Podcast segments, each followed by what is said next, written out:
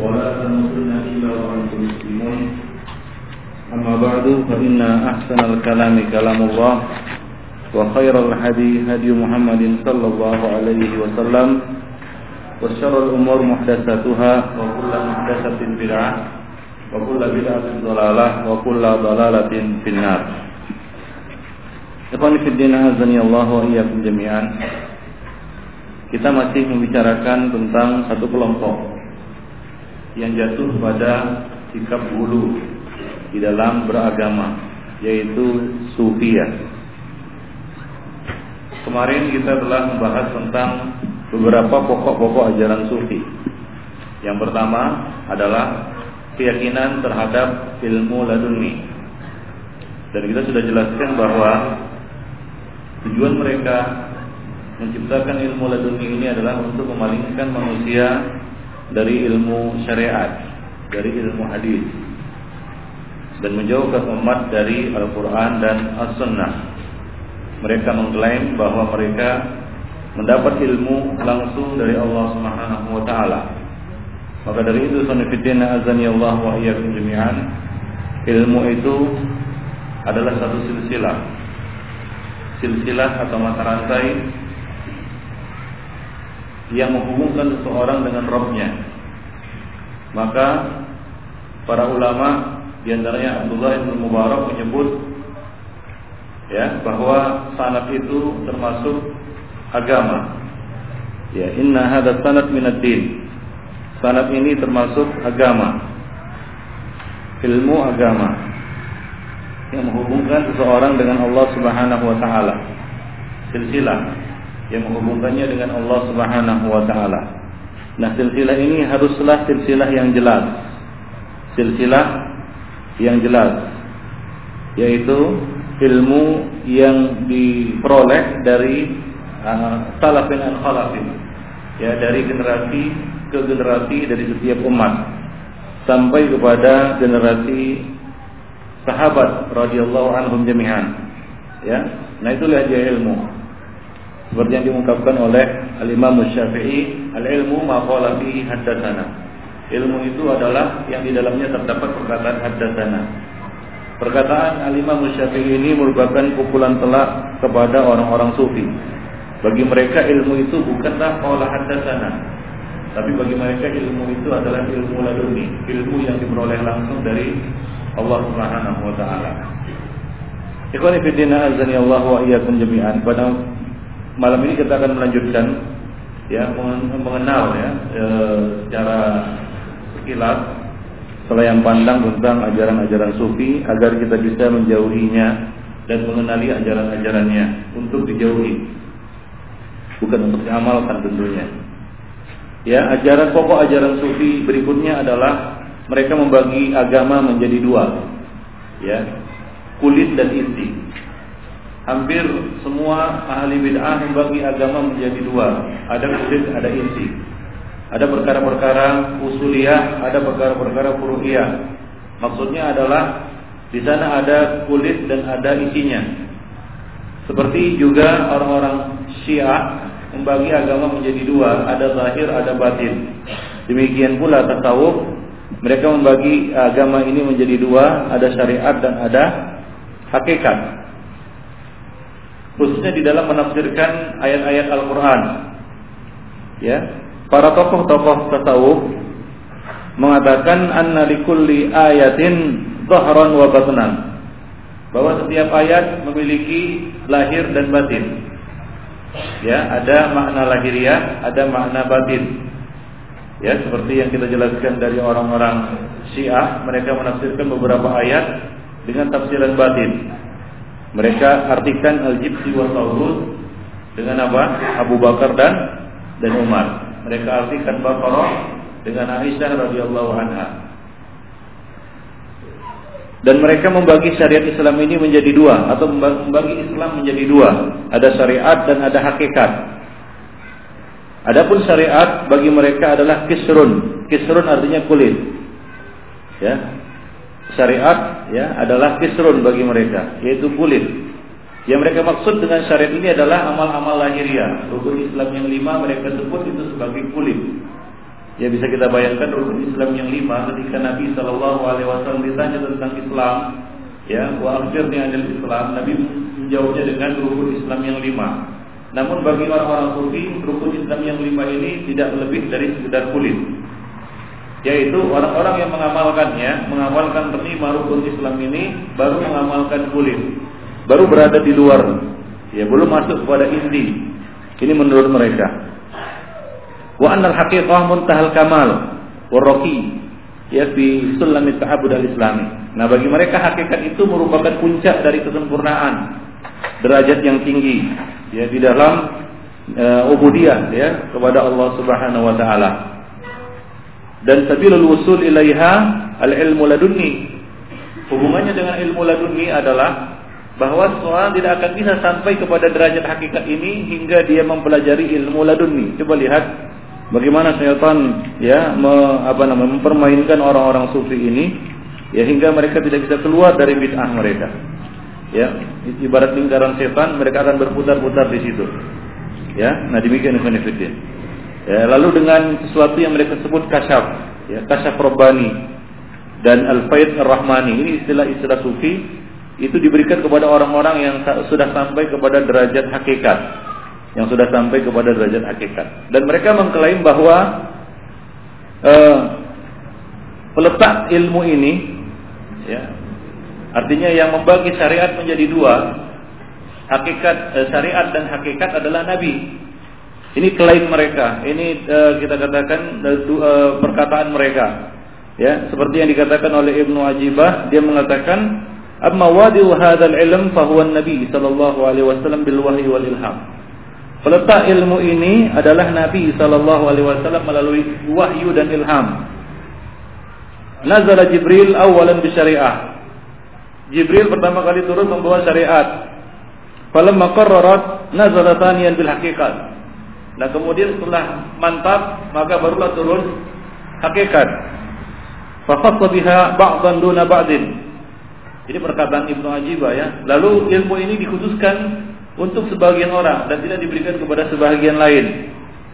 Dan yang pertama kali berbicara tentang ilmu ini, ya ilmu hakikat ini adalah Ali kata mereka. Sayyiduna Ali karamallahu wajah. Ini perkataan Ibnu Ajibah. Kita menukilnya sebagaimana yang dia tulis. Wa anhu Al-Hasan Al-Basri. Kemudian diambil ilmu ini dari Ali oleh Al-Hasan Al-Basri. Nah tentu saja ini klaim-klaim yang kita katakan batil ya. Nah, eh, Rasulullah bahkan Ali bin Abi Thalib sendiri mengingkari bahwa Nabi Shallallahu Alaihi Wasallam ada menitipkan ilmu yang tidak diketahui oleh sahabat-sahabat yang lainnya. Ya, nah demikian Ibn Fiddin azani Allah wa iyyakum jami'an. Ya, inna inna Rasulullah bari mimma yunsibuhu ilaiha ula.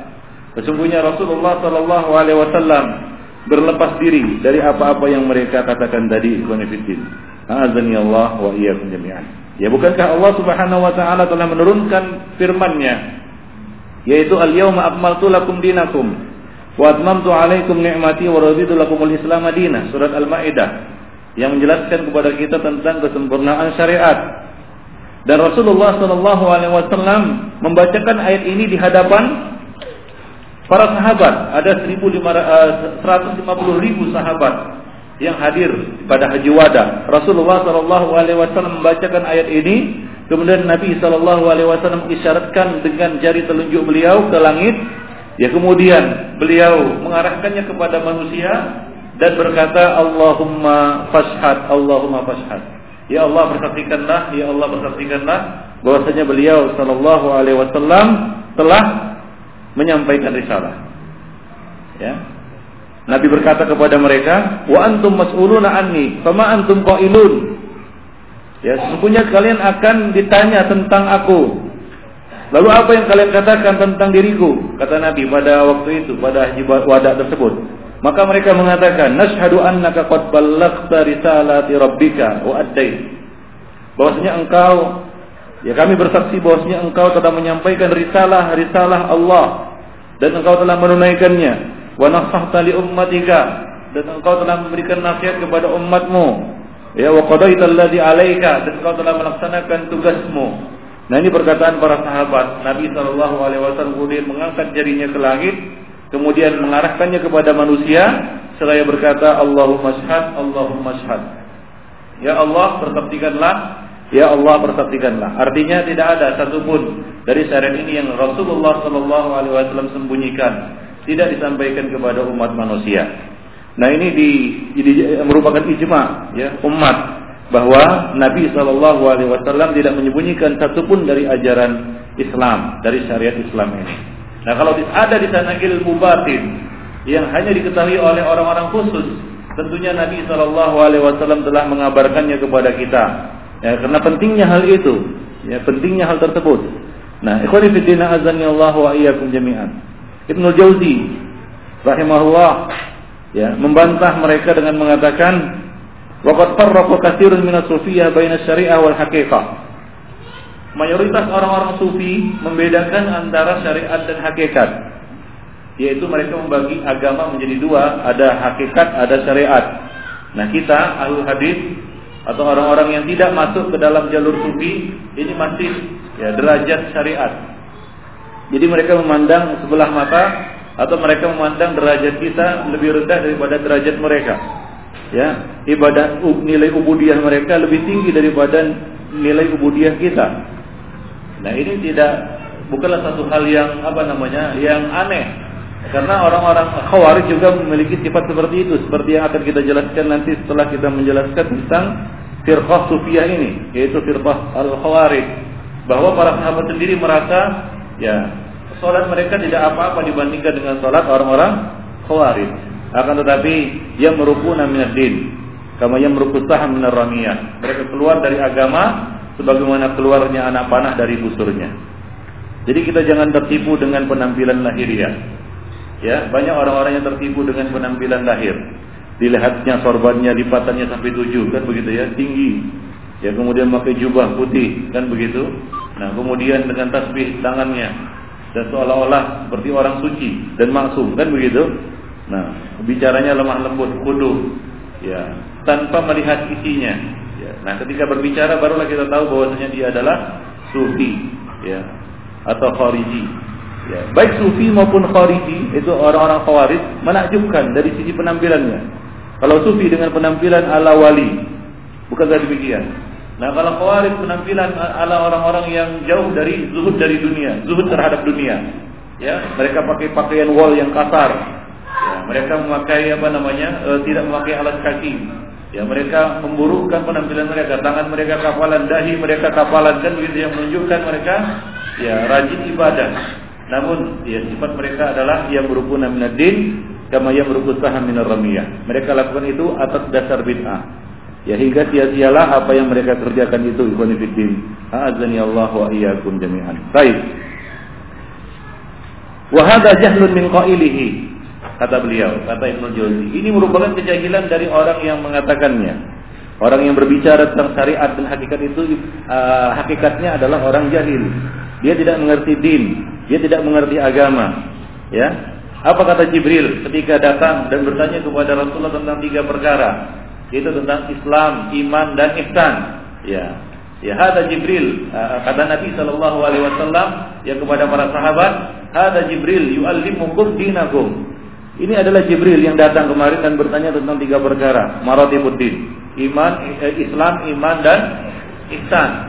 Ya, eh, dia datang kepada kalian untuk mengajarkan tentang perkara-perkara agama kalian. Jadi tidak ada dijelaskan di sini tentang syariat dan dan hakikat. Dan apa yang dijelaskan oleh uh, Rasulullah ya melalui pertanyaan malaikat Jibril itu merupakan perkara yang penting di dalam ad-din ini. Ya, di dalam ad-din. Nah, demikian juga hadis Muaz bin Jabal ketika Rasulullah Shallallahu alaihi wasallam menjelaskan rasul amri al-Islam wa umuduhu salah wazir wazir wa tanamihi al-jihad. Jadi tidak ada di situ ya hakikat dan dan syariat. Semua hadis-hadis dari Nabi Shallallahu Alaihi Wasallam menjelaskan tentang umuruddin, usuluddin itu tidak ada disinggung sedikit pun tentang pembagian ya syariat menjadi kulit dan inti, kulit dan dan inti. Demikian ikhwan rahimani wa rahimakumullah jami'an. Baik, ini tentunya ingin uh, tujuan mereka sebenarnya adalah ingin mengalihkan ya orang-orang yang yang terkena subhat mereka ya dari perkara yang sebenarnya. Yang mereka jadikan ya syariat yang sebab itu adalah hakikat ya sebagai suatu kulit yang apa namanya yang tidak begitu penting dan tidak begitu urgent dalam pandangan mereka ikhwan Kemudian beliau mengatakan di anna syari'ata kullaha haqa'iq. Karena syariat ini seluruhnya adalah hakikat. Salat yang kita kerjakan, ya kemudian puasa, haji, jihad, ya kemudian zikir dan doa. Nah, semua rangkaian ibadah di dalam Islam ini adalah merupakan salah satu wasilah, wasail untuk meraih ubudiyah kepada Allah Subhanahu wa taala. Jadi semuanya hakikat, tidak ada yang apa namanya yang kulit dan ya inti. Nah, demikian Ibn Fitir. Baik. Fa in kanu yuriduna bidzalika ar-rukhsah wal azimah wa fakilahuma syari'ah. Dan jika yang mereka maksud adalah azimah dan rukhsah, rukhsah dan azimah, maka keduanya itu juga merupakan syariat. Jadi ini merupakan uh, suatu uh, kita katakan kejahilan dari mereka, ya. Oleh karena itu Sahal bin Abdullah At-Tustari mengatakan, "Ihfadu as-sawad alal bayad." Ya, ihfadu as-sawad alal bayad. Artinya peliharalah hitam di atas putih. Itu apa yang termaksud dan apa yang tertulis. Ya, yang sampai kepada kita riwayatnya secara jelas. Ya. Fama ahadun taraka zahir illa tazandaqa. Ya. Tidaklah seorang itu meninggalkan az-zahir. Ya, meninggalkan makna zahir. Ia beralih kepada makna-makna tersembunyi dan makna-makna batin yang dibuat-buat sendiri dan dikarang-karang sendiri illa tazandaqa. Melainkan dia akan jatuh kepada zindik. Jadi agama ini bukan untuk diada-adakan mengada-ngada, membuat tafsiran-tafsiran yang tidak ada datang, ya tidak ada apa namanya, tidak datang penjelasan sebelumnya dari para ulama salaf. Maka dari itu Imam Ahmad mengingatkan kepada kita, iyaka hati-hatilah oleh kamu berbicara tentang satu perkara din yang tidak ada salaf sebelum kamu yang membicarakan tentangnya. Demikian ikhwan fillah. A'azani Allah wa iyyakum jami'an. Baik. Demikian juga Abu Bakar Ad-Daqqaq mengatakan, Sami'tu Abu Sa'id Al-Kharraz mengatakan, Yaqul, kullu batinin yukhalifu zahiran fahuwa batilun. Setiap batin yang menyelisihi zahir, maka dia adalah batin. Maka dia adalah batin.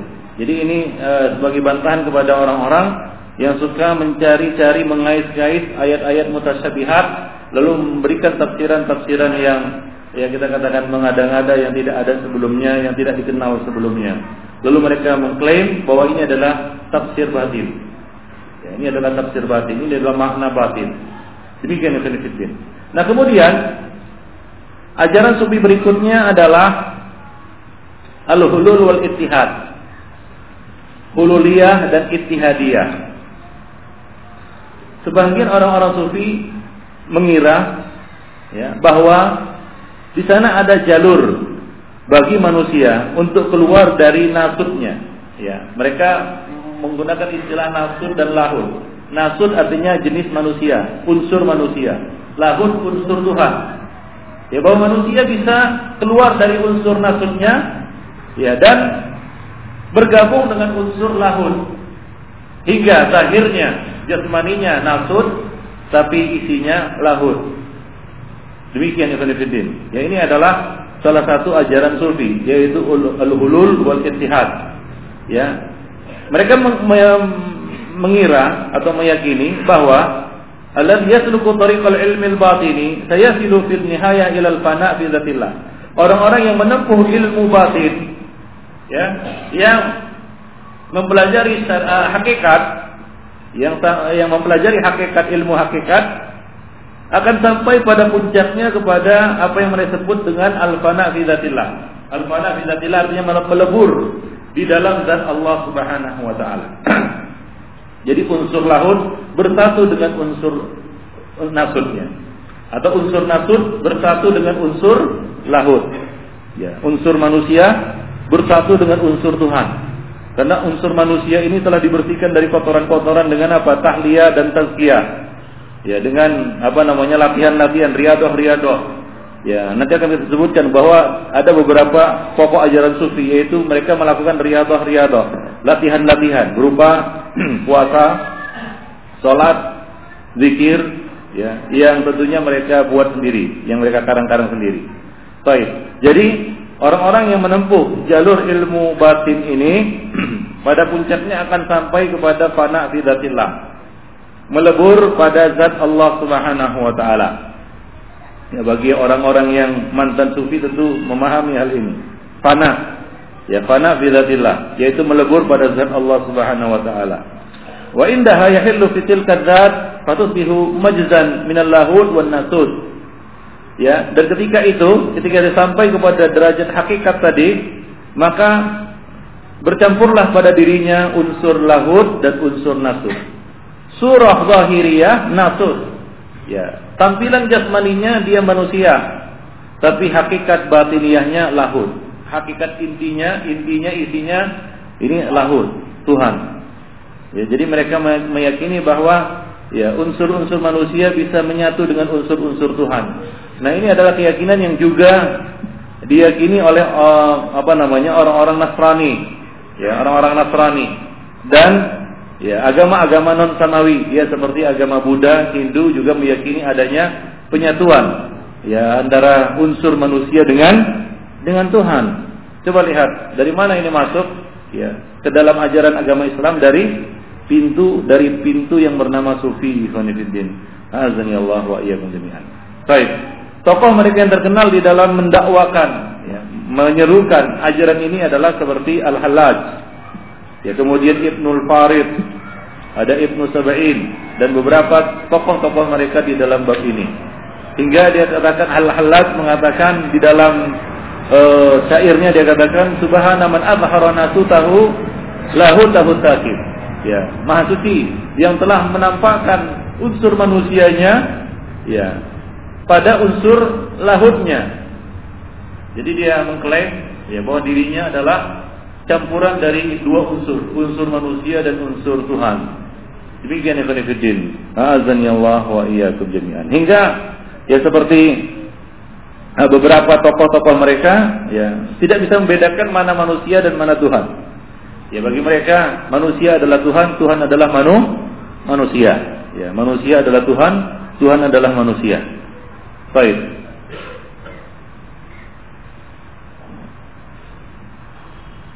Dan di antara ya e, dalil mereka di dalam bab ini dan ini merupakan syubhat. Ya syubhat besar. Banyak orang-orang yang awam terpedaya dengan dengan dalil ini, yaitu hadis ya tentang apa? Tentang e, sifat wali Allah. Ya la yazalu abdi yataqarrabu ilayya bin nawafil hatta uhibbahu Ya, sesungguhnya hambaku senantiasa mendekatkan diri kepadaku dengan eh, amalan-amalan uh, sunat hingga aku mencintainya. Fa idza kuntu sam'ahu alladhi kuntu sam'ahu alladhi yasma'u bihi. Maka jadilah aku pendengaran uh, dan apabila aku mencintainya, maka jadilah aku pendengaran yang ia mendengar dengannya. Jadilah aku penglihatannya yang dia melihat dengannya. Jadilah aku tangannya ya wayadahu wayadahu allati yabtisu biha. Tangannya yang ia ia berbuat dengannya dan jadilah di, uh, kakinya dan, dan jadilah aku kakinya yang dengannya ya ia berjalan. Ia mengayunkan langkahnya. Nah wala in sa'alani la'udiyannahu wala in ista'adani la'u'idannahu ini hadis ya masyhur hadis qudsi. Sahih hadisnya riwayat Bukhari ya di dalam sahihnya. Namun diartikan secara ya apa namanya sesat atau secara menyimpang oleh orang-orang sufi. Ya untuk menguatkan apa yang mereka yakini sebagai hululiyah dan ittihadiyah. Maka dari itu Al-Hafiz Ibnu Rajab Al-Hambali mengatakan ya tentunya maknanya kita tahu ya bahwasanya Allah Subhanahu wa taala akan menjaganya, menurunkan apa? perlindungannya kepada hamba yang dicintainya dengan amalan-amalan sunat yang dikerjakannya. Ya hingga Allah memberikan apa namanya? Eh, kedekatan khusus kepada orang-orang yang mendekatkan diri kepadanya. Ini namanya al-qurbul khas. Ya, yaitu Allah Subhanahu wa taala akan memberikan perlindungan, Allah Subhanahu wa taala akan memberikan pertolongan kepada hamba tersebut. Yang mana dia ya seluruh pandangannya, pendengarannya, langkah dan apa yang dibuatnya itu mendapat apa? perlindungan ya dari Allah Subhanahu wa taala dan mendapat taufik dari Allah Subhanahu wa taala kepada hidayah. Itu maksud dari hadis tersebut. Ya bukan seperti yang diyakini oleh orang-orang sufi bahwa Allah menyatu dengan makhluk. Ya, hingga ya, Allah menjadi pendengarannya. Allah Subhanahu wa taala menjadi penglihatannya. Allah menjadi tangannya, Allah menjadi kakinya. Ya, seperti yang diartikan oleh orang-orang sufi. Maka Al-Hafiz Ibnu Rajab Al-Hambali mengatakan Wa man asyara ila ghairi dzalika fa inna ma yusiru ila al-ilhad min al-hulul wal ittihad. Barang siapa yang mengartikan selain itu, selain yang kita sebutkan tadi maknanya, ya fa inna yusiru ila al-ilhad. Sesungguhnya dia telah mengisyaratkan kepada ajaran ilhad. Ya, ajaran mulhid. Ya, yaitu al-hulul wal ittihad. Wallahu wa rasuluhu bari'an minhu. Allah dan Rasulnya berlepas diri dari dari tafsiran yang itu, ya dari perkataan yang itu. Ikhwan fillah, azani Allah wa iyyakum jami'an. Baik. Demikian pula mereka berdalil dengan hadis palsu, ya. Hadis la as aslalahu, ya hadis yang mungkin juga masyhur, ya di kalangan orang-orang yang belajar tasawuf yaitu hadis yang berbunyi ma wasi'atni sama'i wala ardi tidak cukup bagiku langit dan bumiku. Ya, walakin wasa'atni wasi'ani qalbu abdil mu'min. Tapi cukup bagiku ya untuk mengisi hati seorang hamba mukmin. Hati seorang hambaku yang mukmin. Ya, jadi ini mereka mengatakan bahwa Allah masuk ke dalam hatinya. Ya, yaitu menyatu kepada jiwanya, kepada raganya. Lalu ber, ber, bercampurlah di situ unsur nasut dengan lahud. Ya, ini hadis la aslalahu ikhwan fillah. Ya tidak ada asal usulnya. Hadis maudhu. Nah demikian.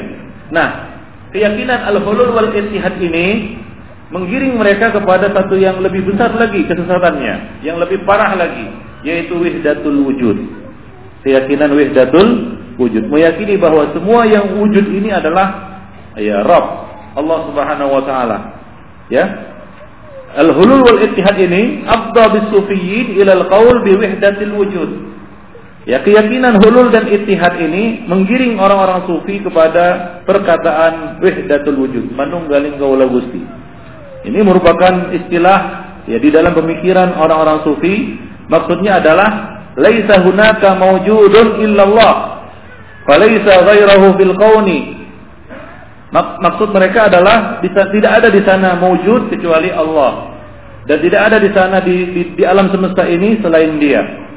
Maka dari itu, ya orang-orang sufi mengartikan la ilaha illallah dengan apa? La mau la la rabba illallah atau la khaliqa illallah atau la maujuda illallah. Tidak ada mewujud, tidak ada yang wujud ini la wujuda illallah. Tidak ada wujud ini kecuali Allah Subhanahu wa taala. Dan ini merupakan makna yang batil. Ini adalah makna yang batil bagi makna la ilaha illallah. Demikian ikhwan fillah. Ya subhana rabbika rabbil izzati amma yasifun. Baik ikhwan fillah. Nah dalam hal ini coba lihat Ibnu Arabi, ya tokoh mereka mengatakan di dalam kitabnya yaitu Al-Futuhat Al-Makkiyah, dia katakan fama fil wujudi illallah. Tidak ada di wujud ini yang wujud ini kecuali Allah katanya. Wala ya'rifullah illallah dan tidak ada yang bisa mengenal Allah kecuali Allah.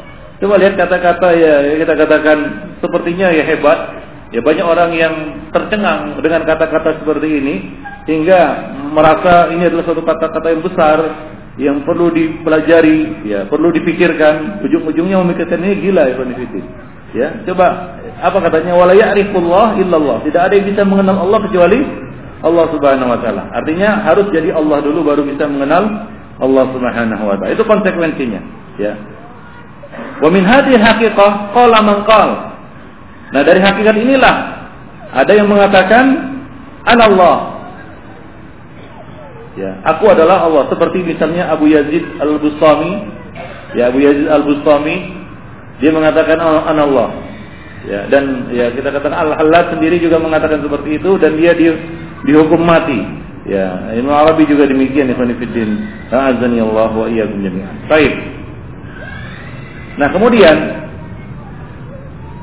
dari keyakinan wahdatul wujud ini, ya dari keyakinan wahdatul wujud ini, ya mereka jatuh kepada satu keyakinan kita perkataan yang lebih buruk daripada perkataan orang-orang Nasrani. Ya, seperti yang dikatakan oleh Ibnu Abil Is Al-Hanafi di dalam Syarah At-Tahawiyah. Beliau mengatakan wahadal qaul afdal bi qaumin ila al qaul bil hulul wal ittihad. Ya, perkataan mereka ini, wahdatul wujud ini ya, e, menggiring mereka kepada qaul bil hulul wal ittihad. Penyatuan antara manusia dengan Khalik, dengan Allah Subhanahu wa taala. Wa akbahu min kufrin Nasara. Dan ini lebih buruk daripada kekufuran orang-orang Nasrani. Ya, kenapa dikatakan lebih buruk daripada kekufuran orang-orang Nasrani? Ya, fa inna nasara khassuhu bil masih. Orang-orang Nasrani mengkhususkan itu kepada siapa? Al-Masih. Bahwa yang menyatu dengan unsur lahud adalah Al-Masih, Isa bin Maryam. Sementara mereka mengatakan wa haula'i ammamu jami'al makhluqat mengatakannya oh ini untuk seluruh makhluk. Ya, seluruh makhluk bisa menyatu dengan eh, Allah Subhanahu wa taala dan bisa menjadi Allah Subhanahu wa taala. Nah, di antara furu ya dari akidah dan keyakinan ini, ya keyakinan wahdatul wujud ini adalah ya jatuhnya mereka kepada irja, uh, gulu fil irja. Ya, atau uh, gulat al-murji'ah. Ya, kelompok golongan gulat al-murji'ah yang mengatakan bahwa Firaun dan kaumnya adalah kamilul iman. Fir'aun dan kaumnya adalah kamilul iman, arifuna billah alal haqiqah. Mengenal Allah Subhanahu wa taala menurut hakikatnya. Ini merupakan buah dan konsekuensi dari perkataan wahdatul wujud. Mereka katakan bahwa Fir'aun dan pengikutnya yang ditenggelamkan oleh Allah Subhanahu wa taala ya, yang mengatakan ana rabbukumul a'la ya bahwasanya Fir'aun adalah orang yang bertauhid. Karena dia mengatakan ana rabbukumul a'la. Ya ana rabbukum dia mengerti tauhid, dia mengenal Allah Subhanahu wa taala lebih daripada yang dikenal oleh para nabi. Ya dan pengikutnya. Coba lihat ya kekufurannya ikhwan fillah azan Allah wa iyyakum jami'an. Karena para nabi tidak mengatakan ana rabbukumul a'la. Firaun mengatakan apa? Ana rabbu rabbukumul a'la. Jadi Firaun mengerti di ilmu tauhid, ma'rifatullah. Nah, kemudian di antara furu dari keyakinan ini adalah bahwa abadatul asnam atau ubadul asnam, para penyembah berhala ala haqqin wa berada di atas kebenaran. Kenapa? Karena hakikat yang mereka sembah adalah Allah Subhanahu wa taala, tidak yang lain. Karena wujud semua yang wujud ini adalah Allah. Jadi yang disembah patung berhala itu yang disembah oleh orang-orang musyrik itu akhirnya adalah Allah Subhanahu wa taala. Jadi tidak ada musyrik di, di, di atas muka bumi ini. Ya, tidak ada musyrik di atas muka bumi ini menurut keyakinan orang-orang yang meyakini wahdatul wujud di konfiddin. Azani Allah wa iyyakum Dan di antara furu ya, keyakinan wahdatul wujud ini adalah annahu la farqa fit tahrim wa tahlil. Bahwa tidak ada perbedaan di dalam pengharaman dan penghalalan. Ya. Syariat tidak ada perbedaan antara ma'ul al-ma'u wal khamar. Ya di dalam bab nikah tidak ada perbedaan antara ibu dan wanita-wanita lainnya. Artinya boleh menikahi ibu. Karena ibu ya sama seperti wanita-wanita lainnya. Tidak ada beda antara ma' dan khamar. Tidak ada beda antara air dan khamar. Maka dari itu ada beberapa kisah ya eh, orang-orang sufi atau apa namanya tokoh-tokoh sufi ya atau orang-orang yang sudah sampai kepada derajat hakikat atau ma'rifat mereka menegak khamar. Dan mereka mengatakan ini adalah air bukan khamar. Ya batinnya adalah air bukan khamar. Demikian ya. Dan tidak ada beda antara apa? Antara zina dan nikah ya demikian ini merupakan konsekuensi dan furuk dari keyakinan wahdatul wujud dan di antara furuknya juga adalah annal anbiya dayyaqu 'alan nas bahwa para nabi telah membuat sempit manusia ya dengan apa dengan syariatnya dengan ajaran-ajaran yang mereka anggap kulit, bukan inti. Maka muncullah dari kalangan mereka apa? Al-Bahaiyah. Ya, kemudian Darwish yang menghalalkan apa-apa yang diharamkan oleh Allah Subhanahu wa taala. Demikian ikhwan fillah azani Allah wa iyyakum jami'an. Itu yang keberapa? Yang keempat yaitu keyakinan wahdatul wujud. Di antara pokok-pokok ajaran sufi, mereka meyakini adanya wahdatul wujud. Kemudian yang kelima, di antara ya ajaran yang lahir ya dari keyakinan wahdatul wujud ini adalah keyakinan yang disebut dengan An-Nurul Muhammadi. Apa? Nur Muhammadi. Apa maksudnya Nur Muhammadi? Ya. Nur Muhammadi ini adalah keyakinan mereka bahwa alam semesta ini ada karena Muhammad Shallallahu Alaihi Wasallam. Dan hakikat alam semesta ini adalah Nur Muhammad. Ya, hakikat alam semesta ini, apa yang ada di alam semesta ini adalah Nur Muhammad. Ya, ini merupakan ya satu keyakinan yang lahir dari mazhab wahdatul wujud. Yang muncul di kalangan orang-orang sufi yang meyakini bahwa ya wali-wali mereka, ya mereka ada beberapa tingkatan wali, ada wali kutub, ada wali autad, ada wali abdal, ada wali ghaus, ada wali nujaba. Ya, mereka meyakini bahwa ruh Allah telah masuk ke dalam diri mereka dan mereka punya hak untuk mutasarrifuna fi hadzal kaun. Mereka punya hak untuk mengatur alam semesta. Bahwa Allah Subhanahu wa taala menyerahkan pengurusan alam semesta kepada wali-wali ini. Ini keyakinan mereka ikhwan fillah. A'azani Allah wa iyyakum jami'an. Dan mereka mengatakan bahwa imam fa innalil imam maqamun maqamun mahmudan, maqaman mahmudan wa darajatan samiyatan wa khilafatan takwiniyatan bahwa imam itu punya makam mahmud, punya derajat yang tinggi dan punya khilafah kekuasaan takwiniyah untuk mengatur alam semesta. Maka dari itu mereka orang-orang sufi selalu tergantung kepada wali-wali mereka atau orang-orang yang dianggap sebagai kiai ya atau sebagai wali. Ya, minta apa pun mereka pasti mereka minta kepada siapa? Kepada wali-wali itu. Karena ada keyakinan bahwasanya yang berhak untuk memberikan izin atas sesuatu, baik itu kelahiran ataupun kematian, rezeki ataupun kemalangan, itu adalah wali-wali tersebut atau kiai-kiai yang mereka anggap suci. Ya, nah demikian. Nah ini juga mereka sebut dengan al-haqiqah al-muhammadiyah. Apa? Al-haqiqah al-muhammadiyah. Ya. Jadi intinya adalah mereka meyakini bahwa Muhammad adalah aslul qaul. Muhammad sallallahu alaihi wasallam adalah aslul qaul. Artinya apa? Asal dari alam semesta ini. Ya. Jadi tidak berlaku ya, Adam diciptakan dari dari tanah. Semua diciptakan dari Nur Muhammad tadi. Ya. Baik. Nah, kemudian yang kedua, mereka berkeyakinan bahwasanya Muhammad alal arsis tawa. Bahwa yang bersemayam di atas aras bukan Allah Subhanahu wa taala, tapi Muhammad sallallahu alaihi wasallam. Ya. Seperti yang mereka katakan dalam buku mereka, yaitu di dalam Al-Futuhat Al-Makkiyah tulisan Ibnu Arabi dia katakan di situ awalul khalqi ya abaan wa awalu makhluqin mawjud. Fihi al al haqiqah al muhammadiyah al rahmaniyah al mausufa bil istiwa al ars. Jadi makhluk pertama yang ada di alam semesta ini ya adalah hakikat muhammadiyah ar rahmaniyah yang disifati dengan istiwa al ars. Jadi yang bersemayam di atas ars bukan Allah menurut mereka tapi Muhammad ya sallallahu alaihi wasallam.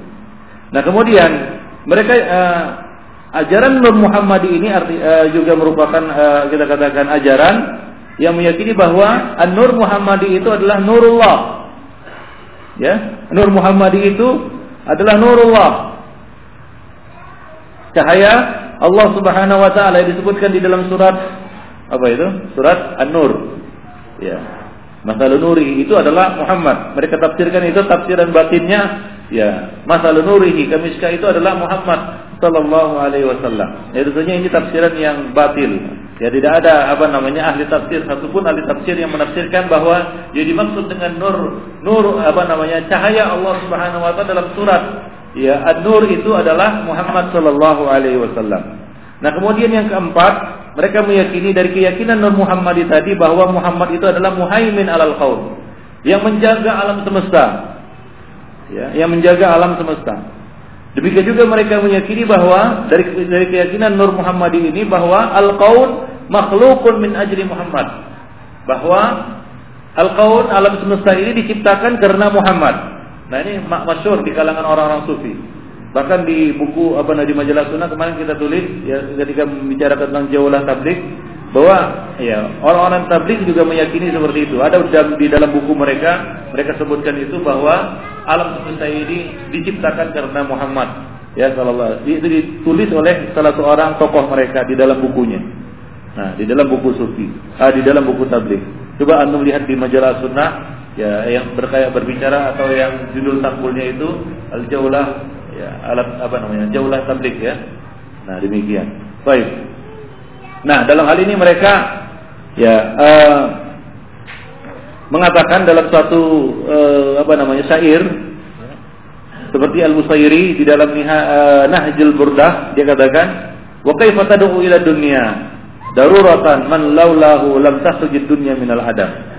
Bagaimana kamu tad'u ila dunia, mengajak kepada dunia man laulahu lam takhrujid dunya minal adam. Dan kalau bukan karenanya, yaitu karena Muhammad sallallahu alaihi wasallam tidak akan keluar dunia dari ketiadaannya.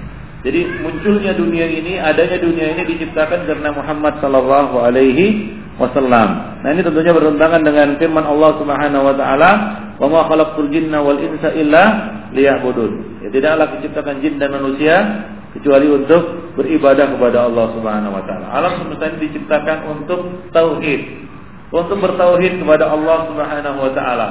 Ya, untuk bertauhid kepada Allah Subhanahu wa taala. Baik, Ibnu rahimani wa rahimakumullah jami'an. Nah, kemudian dari Nur Muhammadi ini juga mereka berkeyakinan bahwa Muhammad sallallahu alaihi wasallam alimul ghaib wa syahadah. Mengetahui ya perkara gaib dan perkara nyata. Artinya eh, Nabi sallallahu alaihi wasallam mengetahui ya perkara gaib atau ilmu gaib. Nah, ini tentunya batil ya Nabi sallallahu alaihi wasallam ya apa namanya menampik dan menyangka dirinya mengetahui perkara-perkara gaib wala ya'lamu ghaibuha illahu. Tidak ada yang tahu perkara gaib kecuali Allah Subhanahu wa taala. Demikian. Jadi keyakinan ahlu sunnah wal jamaah ya ilmu gaib itu adalah rahasia Allah Subhanahu wa taala. Allah tidak akan membukanya kecuali kepada siapa yang dikehendakinya dari para rasul. Nah, demikian. Jadi Nabi tidak tahu perkara gaib. Ya, kalaulah Nabi tahu perkara gaib, ya tentunya tidak akan ada perkara-perkara buruk yang akan menimpa beliau. Lau kuntu alamul ghaib Ya, lastabsartu minal khair wa wa mamassani yasu. Kalau aku tahu perkara gaib itu surat Al-A'raf ya Nabi Allah Subhanahu wa taala mengatakan, kalau aku tahu perkara gaib ya yaitu Rasulullah sallallahu alaihi wasallam lastabsartu minal khair. Aku akan banyak mengerjakan yang baik-baik ya dan apa? Wa mamassani yasu. Tidak akan ada satu keburukan yang menimpa diriku. Nah tentunya Nabi juga tertimpa musibah, Nabi sakit, Nabi mengalami masalah di dalam kehidupan beliau dia sampai di dalam masalah rumah tangga beliau. Istri beliau difitnah. Dan beliau tidak tahu hakikat yang sebenarnya. Ya, hakikat yang sebenarnya. Hingga turun apa? Wahyu dari Allah Subhanahu wa taala. Ini menunjukkan bahwa Nabi tidak tahu perkara gaib. Baik, Fiddin, rahimani wa rahimakumullah. Baik, di antara pokok-pokok ajaran sufi Fiddin, azani Allah wa iyyakum jami'an adalah apa yang disebut dengan tarbiyah sufiyah tarbiyah sufiyah yaitu tarbiyah Syekh Al-Mursyid.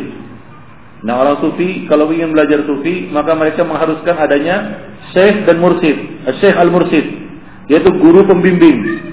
Ya, guru pembimbing yang berkuasa penuh atas muridnya.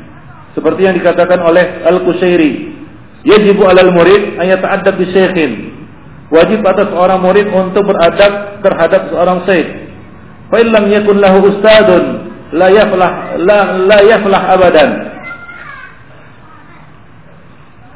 Kalau dia tidak punya ustaz, itu tidak punya pembimbing, tidak punya guru atau tidak punya mursyid, maka la yaflah abadan. Dia tidak akan beruntung selama-lamanya.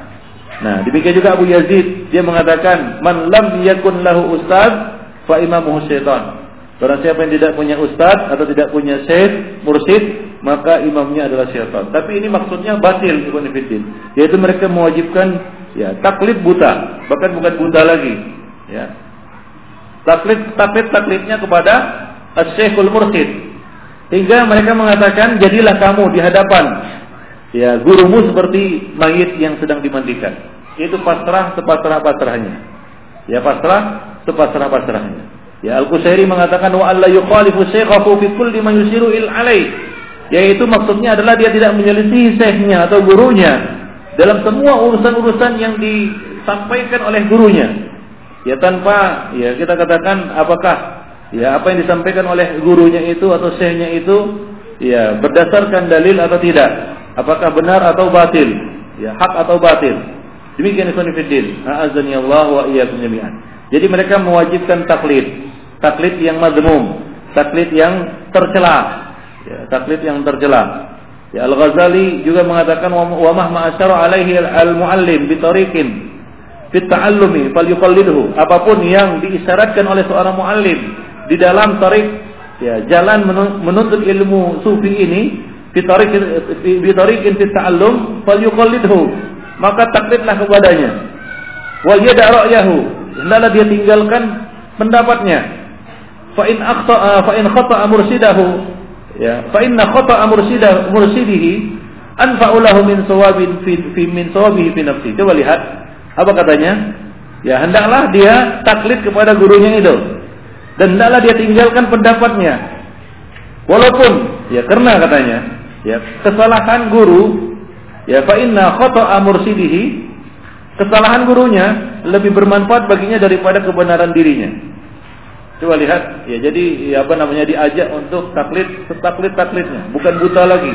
Ya kalau ada di sana orang yang lebih buta lagi, ini buta mata dan hatinya. Ikhwan fillah, azani Allah wa iyyakum jami'an. Baik, inilah dia ya satu tarbiyah sufiyah yaitu mereka mewajibkan taklid kepada guru mereka. Mewajibkan apa? Taklid kepada guru-guru mereka. Nah, kemudian ikhwan fillah azani Allah wa iyyakum jami'an, maka dari itu apa pun yang dilakukan oleh seorang wali itu murid tidak boleh membantah. Ya seperti misalnya ada eh, apa namanya kisah di mana seorang sufi ya bermalam bersama para pelacur ya dan bersubuh dengan dabah dengan hewan ya di pinggir jalan. Ya, dan ini tidak boleh dia apa? diingkari oleh murid-muridnya. Demikian juga ada seorang sufi naik ke atas mimbar telanjang bulat. Lalu dia katakan, ya aku telah lahir kembali seperti dilahirkan oleh ibuku, yaitu tanpa dosa. Nah ini tidak boleh juga diingkari oleh murid-muridnya. Ya. Nah seperti juga ada kita seorang sufi yang minum khamar, ya minum khamar, dan murid-muridnya tidak boleh membantah dan menyalahkan si sufi ini atau gurunya ini. Nah demikian karena mereka wajib taklid kepada gurunya. Kebenar eh, kesalahan gurunya, kebatilan gurunya katanya doktrin mereka lebih bermanfaat dari apa? Kebenaran diri mereka sendiri. Ya. Jadi jangan seperti ada sebagian kelompok atau orang yang seperti ini dia doktrinnya. Jadi guru itu harus benar, nggak ada salahnya. Ya. Maksum. Ya, nggak ada kekeliruannya. Nah, ini adalah satu keyakinan yang batin. Ya, Nabi saja ya mengatakan kepada para sahabat ketika beliau melihat beliau keliru di dalam masalah mengawinkan pokok korma beliau mengatakan antum a'lamu bi umurin duniakum. Kalian lebih tahu tentang urusan dunia kalian. Jadi Nabi mengakui bahwasanya cara yang beliau anjurkan itu kurang tepat. Yang lebih tepat adalah cara mereka. Demikian Ibn dan adapun orang-orang sufi mereka mewajibkan untuk taklid secara buta kepada guru-guru mereka. Nah kemudian yang kedua Ya, tarbiyah sufiah adalah riyadhah dan mujahadah. Seperti yang kita singgung tadi, riyadhah dan mujah mujahadah. Melakukan satu riyadhah, latihan-latihan jiwa dan mujahadah. Nah, ini mengingatkan kita kepada ya eh, yang pernah terjadi pada masa Rasulullah sallallahu alaihi wasallam. Ada tiga orang datang ingin bertanya eh, tentang amal-amal Nabi, namun mereka tidak bertemu dengan Nabi. Lalu mereka bertemu Aisyah radhiyallahu anha mereka bertanya kepada Aisyah tentang amal Nabi dan mereka menganggapnya sedikit. Lalu yang satu mengatakan aku tidak akan menikah. Yang satu mengatakan aku akan sholat malam terus menerus tidak akan tidur. Yang satu mengatakan aku akan berpuasa tidak akan berbuka. Ya. Maka Nabi marah mendengar perkataan mereka dan mengatakan, "Paman ragiba an sunnati falaysa minni." Barang siapa yang benci sunnahku, maka dia bukan dari golongan. Termasuk juga di dalam hal tazkiyatun nufus, membersihkan jiwa. Karena jiwa tidak akan bersih kecuali dengan syariat. Ya kecuali dengan apa? Dengan sunnah. Ya dengan syariat yang dibawa oleh Rasulullah Sallallahu Alaihi Wasallam. Jadi pensucian diri, tazkiyatun nufus dengan selain cara syariat atau eh, selain dengan sunnah, justru akan mengotorinya. Justru akan mengotorinya. Jadi mujahadah menurut orang-orang sufi atau mutasawifah adalah ada empat ini. Ah, lima. Apa? Lima. Yang pertama alju, melaparkan diri.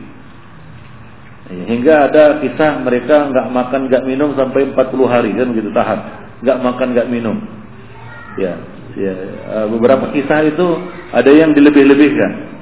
Ya, ada yang dilebih-lebihkan. Artinya nggak eh, nggaknya nggak real ya. Ya, tapi ya kisah seperti itulah. Ya, dia kelebohnya gurunya bisa bertahan hidup 40 hari 40 malam tanpa makan dan minum.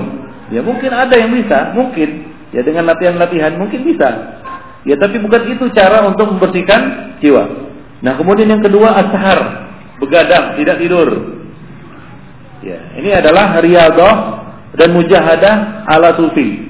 Yang pertama mereka melaparkan diri. Ya, mereka sebut ini puasa.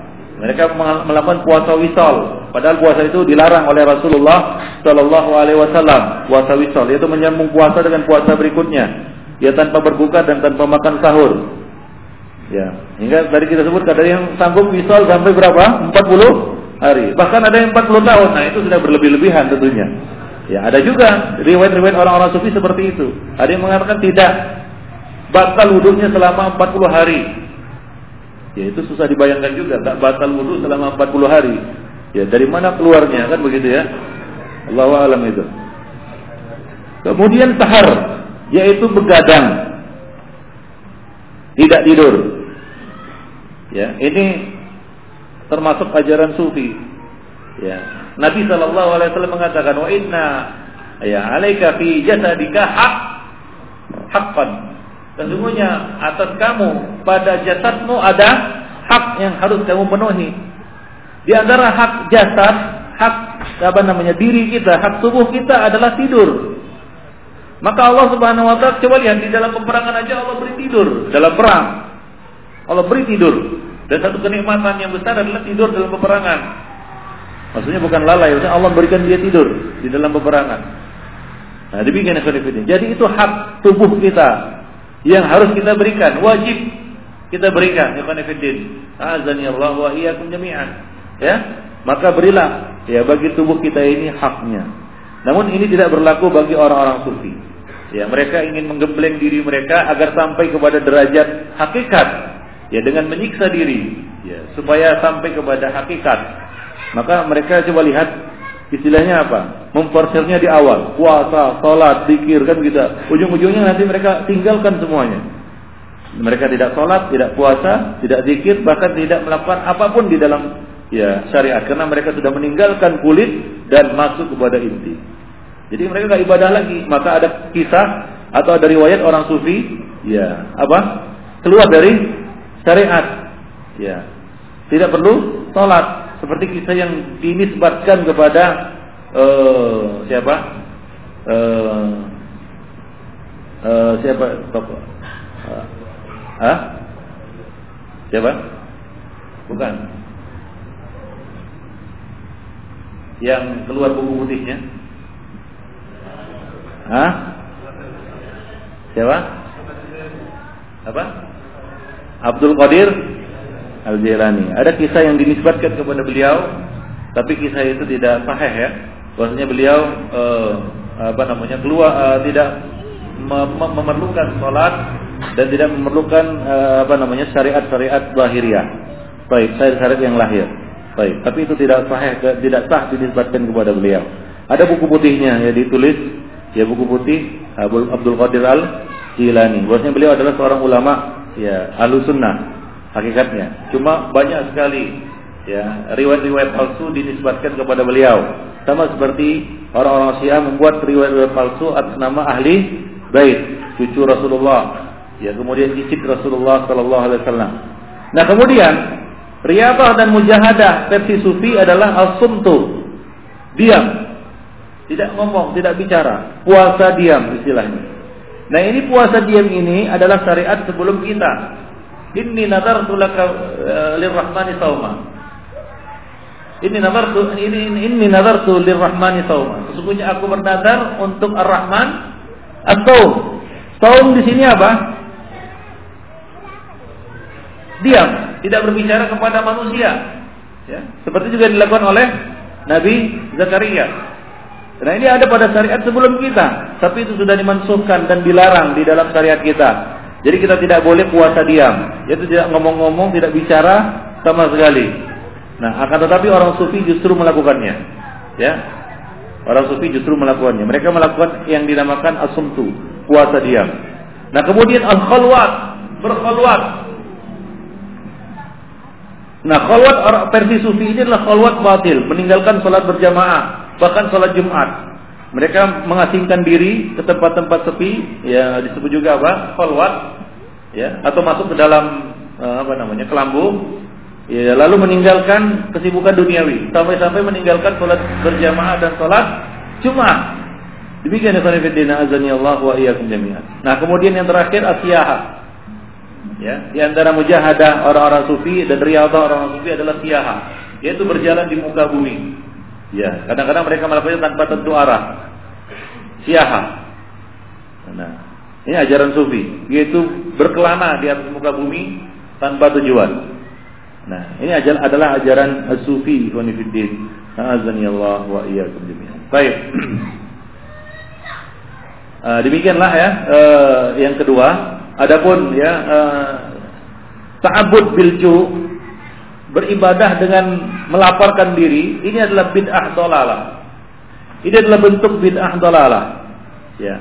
Karena orang-orang sufi ini yuwasiluna siyam ayam tawilah. Mereka menyambung puasa dengan puasa berikutnya. Seperti yang dikatakan oleh orang yang datang kepada Nabi, dia berkata apa? Aku akan berpuasa terus-menerus, tidak akan ber, berbuka. Nah ini adalah ju'un mustamir. Ya. Lapar yang terus menerus. Dan tujuan puasa di dalam Islam itu bukan untuk menyiksa diri dengan lapar, bukan. Jangan salah. Ada yang menganggap puasa itu adalah menyiksa diri dengan lapar. Tidak. Bahkan Nabi Shallallahu Alaihi Wasallam berlindung diri dari apa? Dari lapar. Nabi istiadah berlindung diri dari apa? Dari lapar. Ya dalam hadis Nabi Shallallahu Alaihi Wasallam berdoa, Allahumma inni a'udzubika minal ju' fa innahu bi'sad daji' wa a'udzubika minal khiyanah fa innaha bi'sal bitanah. Ya Allah, aku berlindung kepadamu dari rasa lapar karena itu adalah bi'sad daji'. Ya, itu adalah rasa sakit yang sangat buruk. Lapar itu sakit. Antum lapar sakit enggak? Apalagi yang kena makan begitu ya, ya bisa mati dia. Jadi tujuan puasa itu bukan untuk menyiksa diri. Bahkan kalau kita tidak mampu kita boleh berbuka. Misalnya seorang yang kena sakit mah, dia tidak mampu berpuasa, dia harus berbuka, maka berbuka. Fa in kuntum maridan aw ala safarin, kan begitu ya? Fa iddatun min ayyamin ukhra. Jika kamu sakit, misalnya mah dia tidak bisa menahan lapar, silakan tidak berpuasa. Jadi puasa di dalam Islam tujuannya bukan untuk menyiksa diri dengan lapar. Jadi Nabi berlindung diri dari rasa lapar. Demikian ikhwan fillah, ma'azani Allah wa iyyakum. Nah, kemudian Nabi juga telah mengharamkan wisal, ya seperti dalam hadis, nah Rasulullah sallallahu alaihi wasallam anil wisal. Nabi melarang kita dari apa? Dari wisal. Nah, kemudian ikhwan fillah beribadah dengan begadang juga dilarang. Ya, maka jangan begadang-begadang tanpa tujuan gitu ya. Sampai ada lagunya lagi gitu. Ya, bukan lagunya yang kita bicarakan di sini. Ikhwanifiddin Nabi sallallahu alaihi wasallam mengatakan, ya, la samra illa li musallin aw musafir. Tidak ada samar, tidak ada bicara-bicara pada malam hari kecuali li musallin bagi orang yang salat atau bagi seorang musafir. Dan Rasulullah wasallam melarang anis samar ba'dal isya, berbincang-bincang ngobrol sudah isya, kecuali untuk tujuan-tujuan yang khair. Ya misalnya untuk taklim seperti ini, kan begitu ya. Nah kita lakukan sudah isya. Nah ini adalah satu yang dibolehkan. Tapi untuk selain itu, maka lebih baik kita untuk menunaikan hak diri kita, hak tubuh kita. Karena tubuh kita itu nanti akan menuntut kita pada hari kiamat nanti. Ya, nanti kan semua bicara, mata akan bicara, protes dia sama kita. Si fulan, ya, dituntutnya kita. Ya, kita yang punya punya mata, tapi kita dituntut oleh mata kita. Kenapa? Mata protes, karena dia dipakai untuk begadang tanpa tujuan yang benar. Maka dia akan berkata kepada Allah Subhanahu aku ini telah dizalimi oleh si bulan yang punya mata. Demikian ikhwan fillah azani Allah wa iyyakum jami'an. Ya, hingga kita lihat orang-orang yang begadang ya tanpa tujuan, ya tanpa ada alasan yang dibenarkan syariat. Coba lihat matanya merah kan begitu ya. Enggak kasihan dia lihat matanya. Karena itu jelas yang pertama kali terkena pengaruh begadang adalah apa? Mata. Nah kemudian masuk angin, kan begitu ya? Masuk angin. Ya, kemudian sakit-sakit badannya. Ya, ya lebih parah lagi ya, adalah terluput. Ya, dia mengerjakan sholat subuh atau sholat fajar berjamaah akibat begadang, ekonomi dan banyak lagi ya kita katakan kerugian dari begadang ini. Baik. Adapun beribadah dengan mendiamkan diri, artinya tidak berkata-kata. Memang ekonomi ya di dalam syariat Rasulullah Shallallahu Alaihi Wasallam memperingatkan kita bahaya lisan. Tapi bukan maknanya, ya, bukan maknanya kita tidak berbicara sama sekali. Ya, nggak boleh juga kita nggak berbicara sama sekali. Pakai bahasa isyarat saja. Kita bukan orang bisu. Lisan ini adalah nikmat dari Allah Subhanahu Wa Taala. Maka harus kita gunakan. Ya, menjawab salam kan begitu ya. Mendahulu apa namanya? Mendahulukan mengucapkan salam itu yang terbaik kan begitu. Berkata dengan kata-kata yang hak, ya, menyampaikan nasihat, Bukankah ini uh, satu yang di, diperintahkan di dalam syariat? Maka Nabi SAW mengatakan, "Maka yu'minu billahi wal yawmil akhir falyakul khairan." Coba lihat perintah untuk bicara dulu. Falyakul khairan. Aw liyasmut. Baru kemudian kalau nggak ada lagi yang bisa dibicarakan, lebih bagus di diam. Coba lihat hadis ini, jangan dibalik. Ya, Nabi SAW memerintahkan pertama kali untuk bicara. Bicara apa yang khair, yang baik, yang benar dan bermanfaat. Baru kemudian kalau nggak ada lagi apa namanya kamus untuk berbicara yang baik, yang yang bermanfaat dan benar, baru pilih diam. Di situlah kita amalkan sabda Nabi manfaat mata aja barang siapa yang diam maka dia se selamat. Tapi kalau ada celah-celah kita me menyebarkan kebaikan, maka kita harus menyebarkan kebaikan. Salah satunya adalah apa namanya? Abtus salam bainakum. Ya, Nabi mengatakan, ya kalian tidak akan masuk surga hingga kalian saling berkasih sayang dan kalian tidak akan berkasih sayang Wan, maukah kalian aku tunjukkan sesuatu yang apabila, apabila kalian lakukan maka kalian akan berkasih sayang satu sama lainnya. Maka Nabi mengatakan absus salam bainakum, yaitu sebarkanlah salam di antara kalian. Jadi kita nggak boleh puasa bisu, ikhwan fillah. Rahimani wa rahimakumullah. Dan itu ya, ta'abbud bisamti, beribadah dengan bisu, ya puasa bisu ini adalah amal jahiliyah. Ya, amal apa? Amal jahiliyah. Dalam suatu riwayat dari Qais bin Abi Hazim, dia berkata, Dakhala Abu Bakar As-Siddiq radhiyallahu anhu ala imra'atin min Ahmad. Yuqalu laha Zainab. Abu Bakar As-Siddiq datang menemui seorang wanita dari suku Ahmad. Namanya Zainab. Fara'aha la yatatakallam. Ya, Abu Bakar melihat wanita ini enggak bicara. Ya diam saja kan begitu ya. Bukan berdiam, tapi memang mendiamkan diri. Itu beda ya pendiam. Memang enggak apa namanya. Enggak ada sesuatu yang bisa dia bicarakan. Ya. Kemudian apa? Fakal. Maka Abu Bakar berkata kepadanya, malah halat berkata, ya, malah halat tatakallam. Kenapa dia tidak berbicara? Kalau mereka mengatakan hajat ya musmi, uh, hajat musmitahu Ya dia telah bernazar untuk diam. Fakal maka Abu Bakar berkata kepadanya, "Faqala laha takallami." Ya, bicaralah. Fa inna hadza la yahil, karena itu tidak halal untuk dilakukan. Wa min amalil jahiliyah, dan itu termasuk perkara perbuatan jahiliyah. Fatakallamat, maka wanita itu si Zainab pun ya berbicara. Nah, jadi termasuk riyadhah ya dan apa namanya? Eh, mujahadah ala sufi adalah puasa bisu. Ya puasa dia. Baik.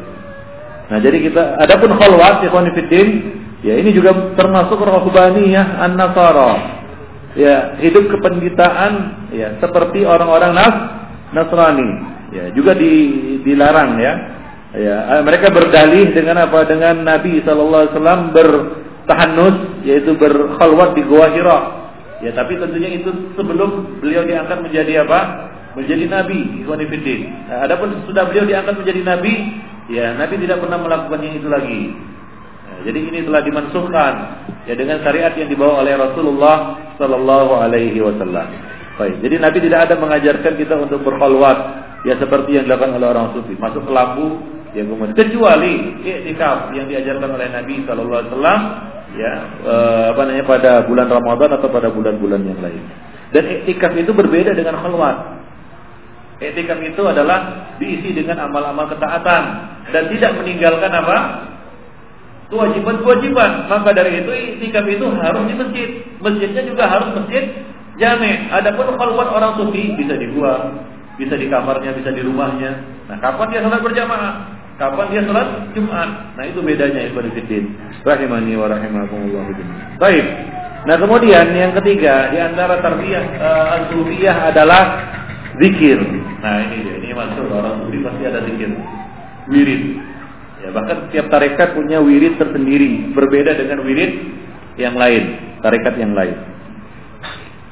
Nah, akan tetapi ikhwanifiddin, zikir yang dilakukan oleh orang-orang sufi ini adalah zikir yang keluar dari tuntunan sunnah.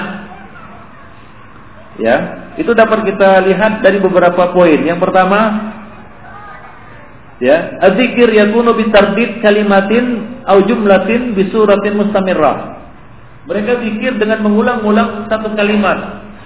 Ya, secara terus-menerus. Ya, atau uh, kata terus-menerus. Seperti misalnya sebagian dari mereka berzikir dengan mengucapkan huwa huwa huwa. Atau hu hu hu. Atau la la la. Atau ah ah ya atau la ilah la ilah la ilah. Ya nah seperti itu. Atau illallah illallah illallah. Begitu ya. Tanpa membacanya dengan apa? Dengan sempurna.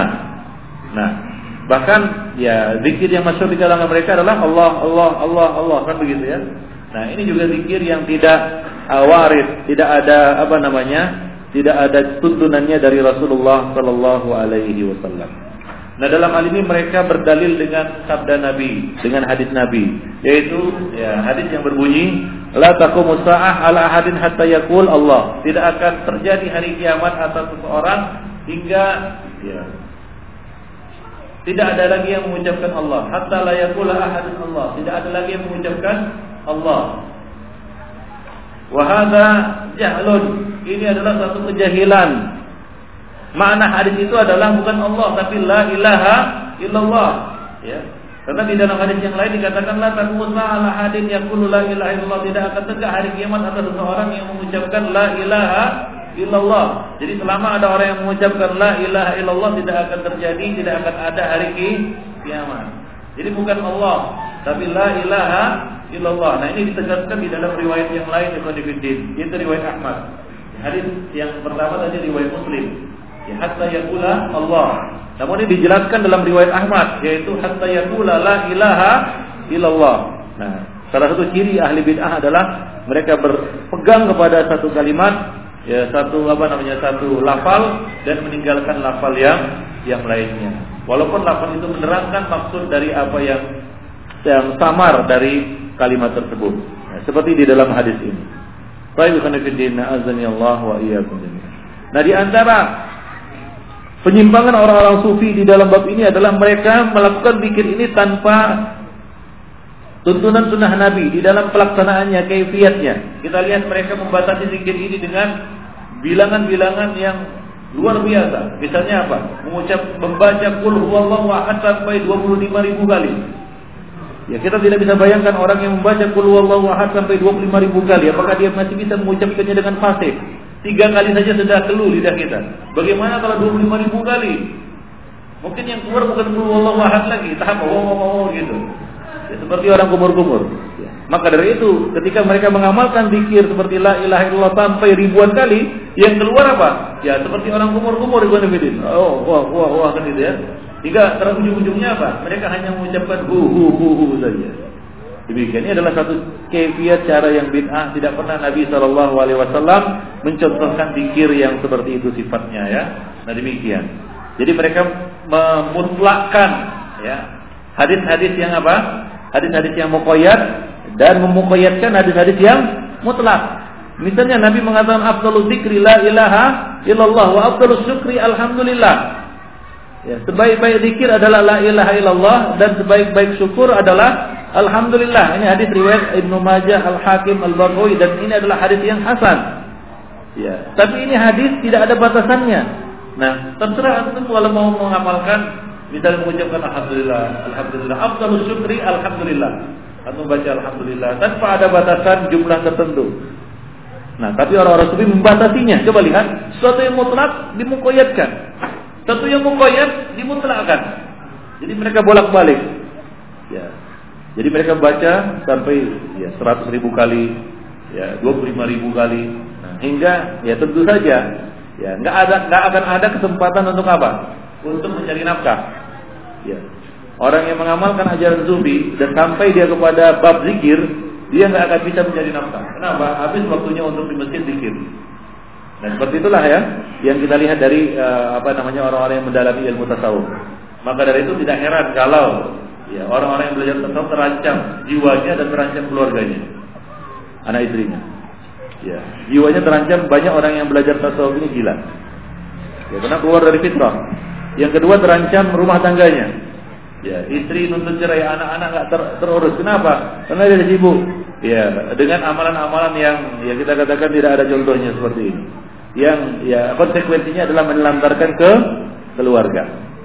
Nah kemudian ikhwan fillah azani Allah wa iyyakum jami'an.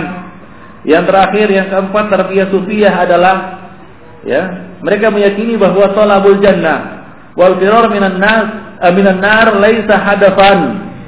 Mereka berkeyakinan bahwa mengejar surga dan melarikan diri dari neraka, menjauhi neraka, ya menghindarkan diri dari neraka bukanlah tujuan. Bukanlah tuh tujuan. Nah ini ma'ruf dari apa? Dari Rabi'ah al al Adawiyah, ya. Rabi'ah al Adawiyah. Ya dinukil bahwasanya ya ada sebagian orang atau jumlah orang datang menjenguk Rabi'ah al Adawiyah yang sedang sakit. Ya. Lalu mereka berkata, "Ma haluki?" Ya, bagaimana keadaanmu? Qalat dia mengatakan, "Wallahi ma'arifu li'illati sababan." Demi Allah aku tidak tahu sebab penyakitku ini melainkan ghaira anni aradtu alal jan alayya al jan uridat alayya al jannah familtu bi qalbi ilaiha. Di, ditawarkan kepada ke surga, kemudian hatiku condong kepadanya. Ya. Fa ahsibu anna maulaya ghara alayya dan aku kira ya apa namanya Allah Subhanahu wa taala cemburu kepadaku. Ya fa'atabani falahul utbah. Lalu menegurku dengan sakit ini. Jadi katanya dia sakit karena ditegur, keteguran istilahnya. Ditegur oleh Allah Subhanahu wa taala karena dia mengejar surga. Ya, ditawarkan kepadanya surga, dia condong kepada surga. Allah cemburu, lalu diberi sakit. Nah seperti itu Gonifidin. Hingga dia katakan aku tidak takut masuk neraka dan tidak harap masuk masuk surga. Nah ini ajaran sufi Gonifidin. Jadi dia nggak tahu lagi yang Ya, di akhirat nanti dia sebagai apa? Sebagai khalik atau makhluk? Kalau sebagai khalik, maka dia tidak membutuhkan surga dan, neraka. Ya, tidak eh, apa eh, tidak membutuhkan surga dan neraka. Adapun al makhluk tempatnya cuma dua. Kalau enggak surga, nah neraka. Makhluk selama dia makhluk. Nah orang sufi mungkin mereka merasa bukan makhluk. Ya mereka sudah menyatu dengan lahut. Ya nasut mereka sudah suci seperti lahut. Sehingga mereka tidak membutuhkan surga dan tidak takut api api neraka. Nah ini adalah talbis iblis, talbis syaitan ya rahimani wa rahimakumullah jami'an. Nah, ini bertentangan juga dengan Nabi ya. Nabi meminta surga. Ya, setelah selesai sholat Nabi mengajarkan Allahumma ini as'alukal jannah wa a'udzubika minan minan nar. Ya Allah, aku minta kepadamu surga dan berlindung dari api neraka. Nah, al khauf minan nar wa tama fil jannah yudaddinu haulaha Rasulullah sallallahu alaihi wasallam ashabuhu. Ya, takut terhadap neraka dan menginginkan surga ini adalah satu perkara yang senantiasa didengung-dengungkan oleh para oleh Nabi dan para sahabat beliau. Faqad qala rajulun Rasulillah ada seorang laki-laki yang berkata kepada Rasulullah sallallahu alaihi wasallam, "Wallahi inni la uhti la la inni la uhtinu dan danataka wala dan danata Mu'ad." Demi Allah aku tidak bisa mengikuti dan meniru ya apa namanya? bacaanmu dan bacaan Mu'ad. Wa inna ma aqul, namun yang aku baca adalah jadi dan dana adalah ber, bergumam yaitu membaca dengan satu bacaan yang terdengar tapi tidak bisa di, di, dipahami atau tidak bisa diikuti. Ya. Wa inna ma'akul yang aku baca adalah Allahumma ini as'alukal jannah wa a'udzubika minan nar. Ya Allah, aku minta kepadamu surga dan aku berlindung dari api neraka. Faqallahu Rasulullah sallallahu alaihi wasallam. Maka Nabi berkata kepadanya, "Haulaha dan Itulah yang kami baca juga kata Nabi sallallahu alaihi wasallam. Jadi Nabi dan para sahabat ya seperti Muaz dan sahabat ini ya meminta kepada Allah Subhanahu wa taala surga dan berlindung dari api neraka. Nah demikian Ibnu Fiddin rahimani wa rahimakumullah jami'an. Nah itulah sekilas tentang ajaran sufi ya e, bagaimana kesesatan mereka, jauhnya mereka dari din, dari agama yang lurus dari uh, al-wasat, wasatiyah dari pertengahan dari sikap tengah dan jatuhnya mereka kepada sikap hulu fiddin. Apa? Al-ghulu jadi tidak ada satu kelompok bid'ah pun melainkan di situ ada pasti ya apa namanya sisi-sisi hulu bid'in. Nah, besok nanti akan kita bahas tentang satu kelompok yaitu kelompok Khawarij. Ya, nanti pada pertemuan yang akan datang insyaallah kita akan mengupas bagaimana Khawarij ini ya keluar dari din. Ya, jatuh kepada bulu fiddin. Jatuh kepada sikap berlebih-lebihan di dalam ad-din. Baik. Insyaallah pada pertemuan yang akan datang. Demikian Ibn Fiddin ya pertemuan kita pada malam ini. Ya, untuk selanjutnya bagi yang ingin tanya silahkan.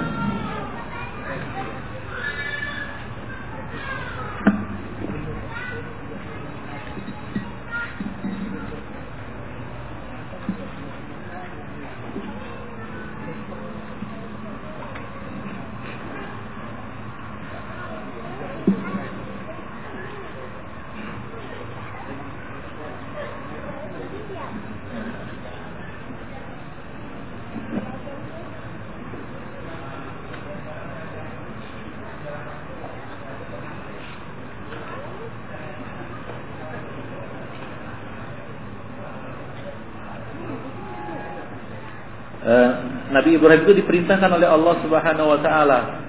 Dapat wahyu dari Allah Subhanahu wa taala untuk meninggalkan keluarganya.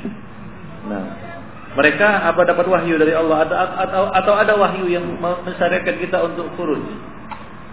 Ya, selama beberapa hari tertentu, 3, 7, 40, satu tahun. Enggak ada ikhwan fillah azani Allah wa iyyakum jami'an. Baik. Nah, itu lebih dekat kepada ajaran tasawuf ya yang yang mereka lakukan ini itu ya apa namanya uh, ada kemiripannya bahkan merupakan salah satu bagian dari ajaran tasawuf yaitu riyadhah dan mujahadah. Yaitu apa? Asyaha berkelana. Maka ya Syekh Al-Albani ya apa namanya mencermati kelompok ini.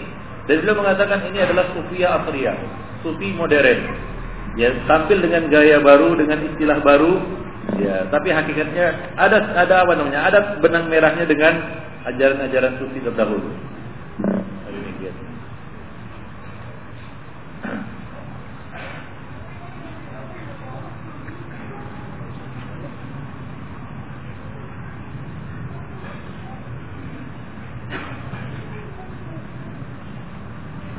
Ada lagi yang bertanya langsung?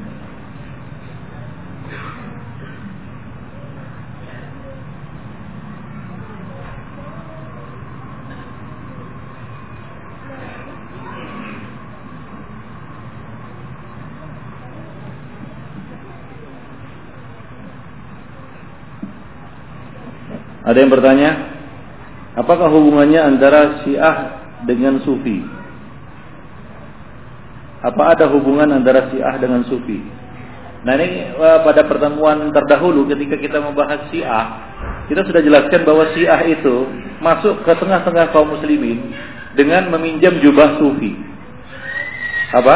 Masuk melalui ajaran tasawuf. Oleh karena itu tokoh-tokoh Syiah sebelum mereka menam, menam, apa, menunjukkan taring mereka, menampilkan sosok mereka, ya apa namanya identitas mereka, mereka berbicara tentang tasawuf, tentang ilmu tasawuf. Coba lihat Jalaluddin Rahmat bicara tentang apa? Tasawuf. Ya, padahal dia hakikatnya apa? Kalau dibuka dalamnya Syiah bukan Jadi ada benang merah antara Sufi dengan Syiah.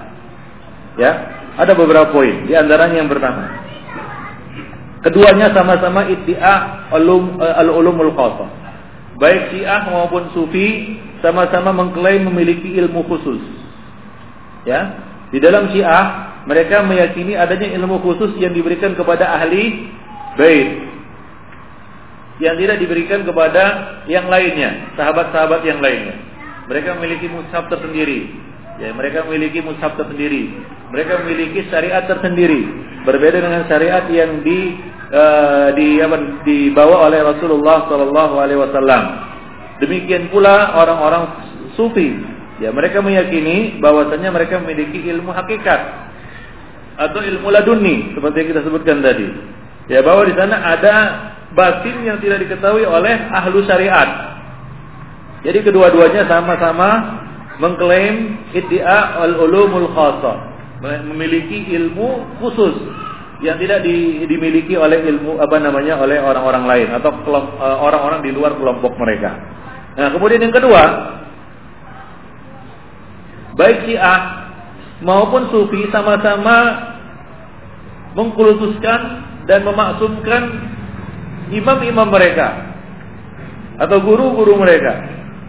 Ya, mentakdis artinya mengagungkan, mengkultuskan, memaksumkan guru-guru mereka. Nah, di kalangan Syiah ini ma'ruf bahwasanya imam-imam mereka adalah maksum, lepas dari apa ke kesalahan. Ya, imam-imam mereka maksum. Nah, ya, demikian juga Sufi, Ikhwanifiddin. Tadi sudah kita jelaskan bagaimana mereka memaksumkan guru-guru mereka dan kiai-kiai mereka atau wali-wali mereka hingga kalaulah wali itu salah tetap dibenarkan dan kebenaran yang ada pada kita itu adalah satu ke kesalahan. Nah demikian. Jadi sama-sama memaksumkan apa? Ya pemimpin mereka atau imam-imam mereka. Nah kemudian Ikhwan ya baik si A maupun Sufi sama-sama membagi din menjadi dua, zahir dan dan batin. Syiah juga demikian. Syiah membagi agama ini menjadi dua, ada zahir dan ada batin. Sama seperti halnya orang-orang sufi yang membagi din menjadi dua, ada syariat dan ada hakikat.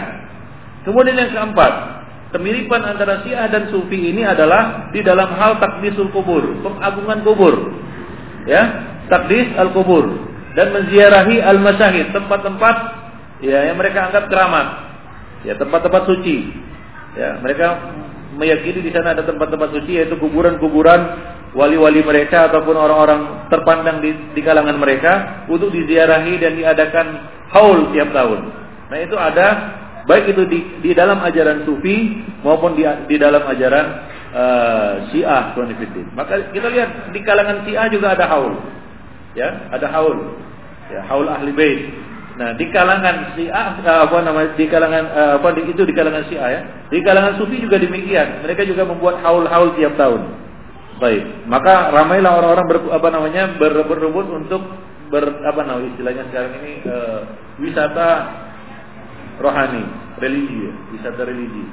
Ya, yaitu uh, apa namanya? Uh, sebagai pengganti umrah dan haji ya mereka pergi ke tempat-tempat yang mereka anggap keramat atau suci untuk mengadakan haul di sana. Nah, itulah dia beberapa kemiripan antara ajaran Syiah dan ajaran Sufi Ikhwanifiddin rahimani wa rahimakumullah. Baik. Ada yang bertanya tentang ilmu falak. Ya, ilmu adalah apa ini? Sanat. Bagaimana tinjauan ilmu syariat tentang ilmu falak? Syariat Islam tidak bergantung dengan ilmu falak dan ilmu falak tidak termasuk dalam bagian ilmu syariat. Ya. Tidak ada satu syariat ya di dalam syariat Islam ini ibadah atau apa pun yang bergantung dengan ilmu falak. Yang bergantung dengan ilmu ilmu falak. Jadi ilmu falak ini adalah ilmu ya ikhwanifidin ya tidak la yughni wa la yusminu wa la yughni minju ya tidak apa namanya tidak perlulah ya oh, kita mendalami ilmu falak ini. Baik karena syariat ini didasarkan kepada sesuatu yang zahir. Ya masuk waktu sholat ada ketentuan-ketentuan yang zahir. Masuk waktu haji juga demikian. Masuk waktu puasa juga demikian. Dengan ru'yah basariyah dengan penglihatan mata tanpa perlu ilmu-ilmu hisab atau ilmu falak ini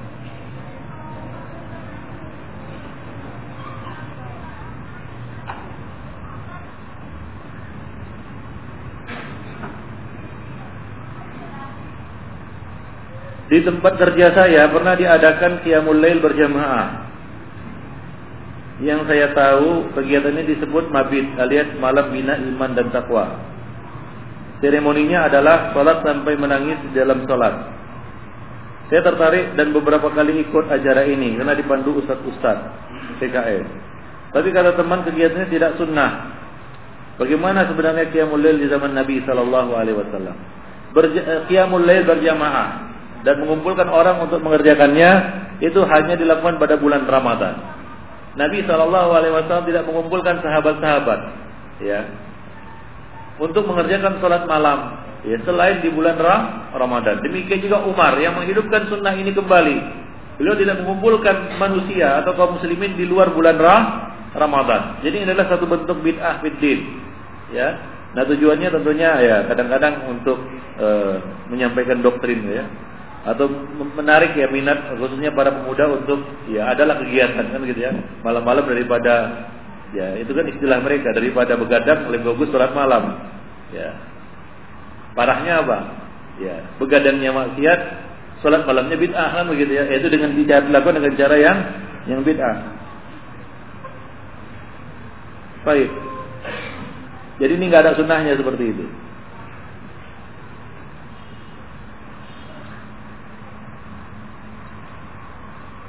Ustaz, apakah boleh bagi kita membalas salam seorang yang mana ucapan orang itu tidak sempurna? Assalamualaikum.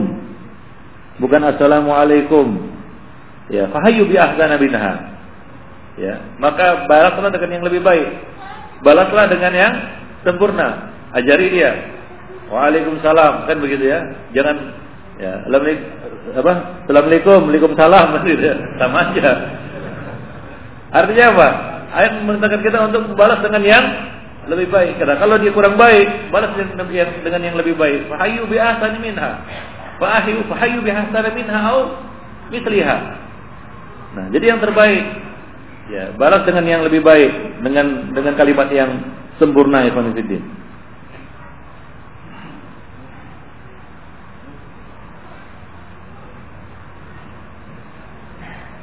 Bolehkah sholat di belakang sufi? Ya boleh. Ya. Artinya kalau dia jadi imam dan dia adalah uh, imam rotib ya, tetap di situ, ya sholat di belakangnya, sah sholatnya. Ya. Ya, meskipun dia sebenarnya tidak pantas untuk ya mengimami sholat karena kebid'ahannya. Wallahu a'lam. Apakah orang yang meyakini tasawuf keluar dari Islam? Bisa. Bisa keluar apabila dia sudah sampai kepada tingkatan tasawuf yang al-mukhrij minal millah seperti misalnya meyakini wahdatul wujud. Ya, setelah tegak atasnya hujah. Ya, dan tidak ada lagi mawani. Maka dia bisa jatuh kepada kekufuran bukan Ya. Nah, para ulama sepakat mengkafirkan Ibnu Arabi. Itu dikafirkan oleh para ulama karena kekufurannya, perkataannya. Demikian juga halal.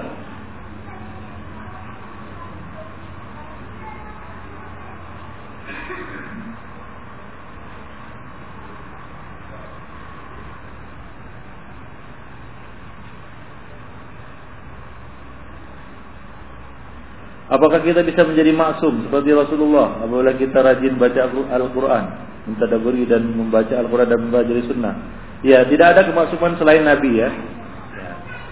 Sahabat saja tidak maksum, apalagi kita. Ya. Tidak ada yang maksum selain Nabi. Jadi kita tidak bisa maksum. Ya, tapi kita bisa ya apa? mencapai derajat yang lebih sempurna bagi diri kita dengan apa? Dengan atawasi bil haqqi wa tawasi. Yaitu menekan se sebisa mungkin ya, ya kesalahan-kesalahan yang kita lakukan dengan apa? Tawasi bil haqqi wa tawasi bis sabr, dengan ilmu wa ta'allum, dengan belajar ilmu.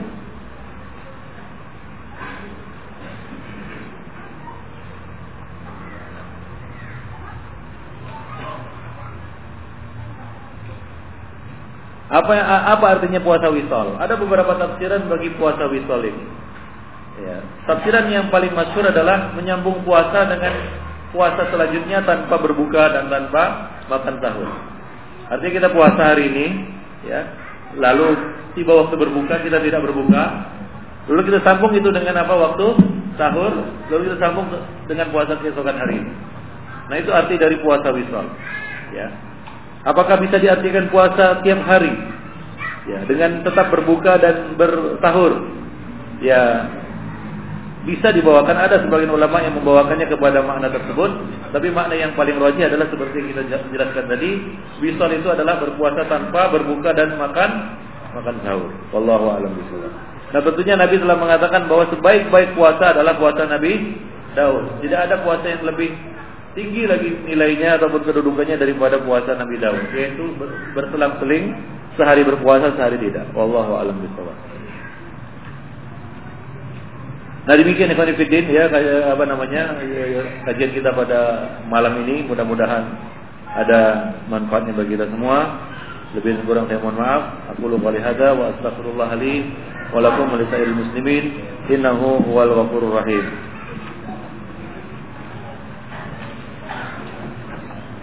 Baik.